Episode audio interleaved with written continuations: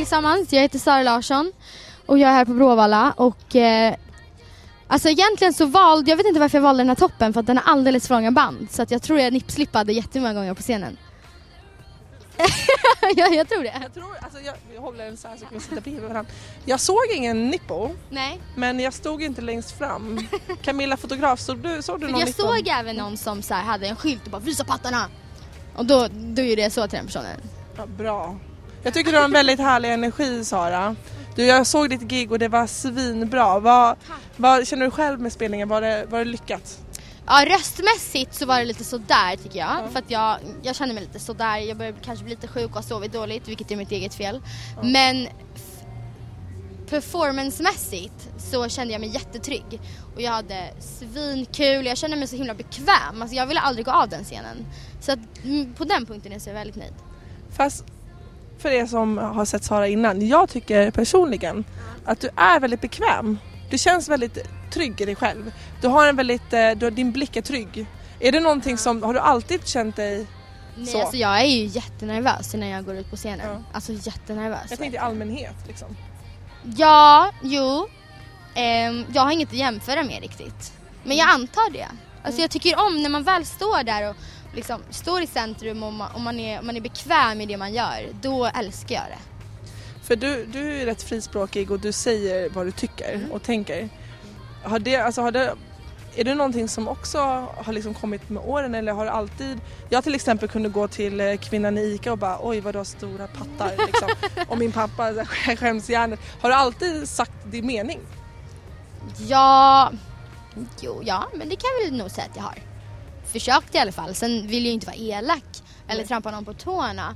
Men jag har ju alltid varit den som så här, du vet, haft jättemycket möten med lärare för att de tycker att jag säger emot för mycket när jag inte håller med någonting. Alltså jag har inte svårt för att stå upp för någonting som jag tycker är fel. Det tycker jag inte är, är svårt. Det är många som önskar att de kunde vara lite mer så. Har du några tips hur man kan tänka i sitt eget huvud för att hjälpa sig med att bara säga ifrån liksom? Gud vad svårt. Egentligen så, det är så svårt. Det är jätteläskigt och det är nervöst och det känns inte alls bekvämt just i den stunden kanske. Man känner såhär, ska jag säga det, ska jag säga det, ska jag, ska jag säga det eller ska jag inte säga det? Bara säg det. Ja. Och sen att det är kanske är viktigt att man, att man sen har stöd från vänner. Jag menar om jag bara hade fått hat för allt jag säger och gör, då hade jag inte jag tyckt att det var kul efter ett tag. Men nu så får jag även väldigt fina kommentarer från andra som håller med eller så här, som peppar mig. Samtidigt som de här elaka kommentarerna får mig att fortsätta liksom tjata. Så att, jag menar omge dig med folk som, som, som du vet backar dig så kommer jag alltid kännas lite bättre så man inte står där helt själv. Och det, det vet jag att jag inte gör. Jag vet att jag har grymma följare och folk som står i publiken idag och folk som följer mig på Twitter och Instagram och bloggen som backar mig. Och det är därför jag kanske vågar. Det var bra sagt. Mm. Ja, för jag, jag tänker mig så här, när man, det har ju gått fort för dig och nu vet alla och många utomlands vem du är och, och lyssnar på din musik och så. Har, har dina vänskapsrelationer ändrats någonting efter att det liksom blommade? Nej, inte på grund av min musik, absolut inte. Eh, sen har man fått nya kompisar, du vet bråkat med andra men jag skulle inte säga att min, min musik har, har ändrat mitt personliga liv alls faktiskt. Det är nästan helt samma. För att jag vet att jag har läst tidigare att du, liksom, du kan inte se dig göra någonting Nej. annat. Så att om du skulle då ändra på någonting, typ så här musikstilen, men vad skulle du gå lite mer då? Något? Kanske lite mer eh, souligt eller så här Frank Ocean, Erik Hassle. Ja, nice. Har du någon favorit eh, soulartist? Gud vad svårt, jag vet inte. Alltså jag växte upp i ett hem där pappa älskar, pappa är helt till sig, han är här, över så här Black Sabbath och eller Sabaton, ja men vad, vad heter de? Sabaton kanske? Alltså jag har ingen koll på rock. Men han är så här Sex Pistols, Motorhead, eh, alltså allt som är så här de här death metal också spelar sent. Eh, allt som har jättemycket trummor och elgitarrer älskar han.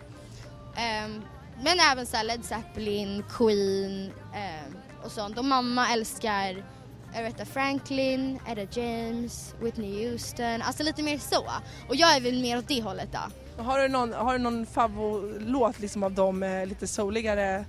Tänkte om du kanske kunde bjuda på ett smakprov? Din röst, för jag tänkte på, jag tänkte på det på scenen, så tänker eh, Sara Larsson köra någon så här Jag ska inte sjunga då, då som ni hör. Men har du någon, har du någon lite som är Stevie Wonder, har du någon där? Alltså jag älskar den här, jag kan den inte så bra, jag, jag älskar Stevie Wonder men eh, vad vad heter den? Jam, jammin? We'll be jamming until we low down. No, uh, uh, yeah, ja.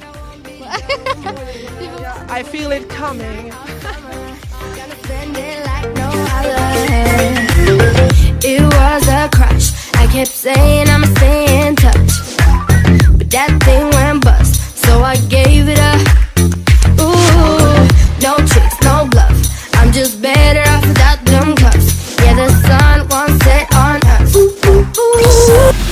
Energys festivalsommar.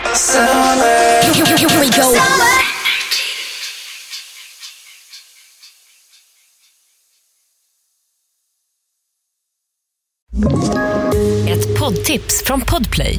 I fallen jag aldrig glömmer djupdyker Hasse Aro i arbetet bakom några av Sveriges mest uppseendeväckande brottsutredningar. Går vi in med hemlig telefonavlyssning och, och då upplever vi att vi får en total förändring av hans beteende. Vad är det som händer nu? Vem är det som läcker? Och så säger han att jag är kriminell, jag har varit kriminell i hela mitt liv men att mörda ett barn, där går min gräns. Nya säsongen av Fallen jag aldrig glömmer på Podplay.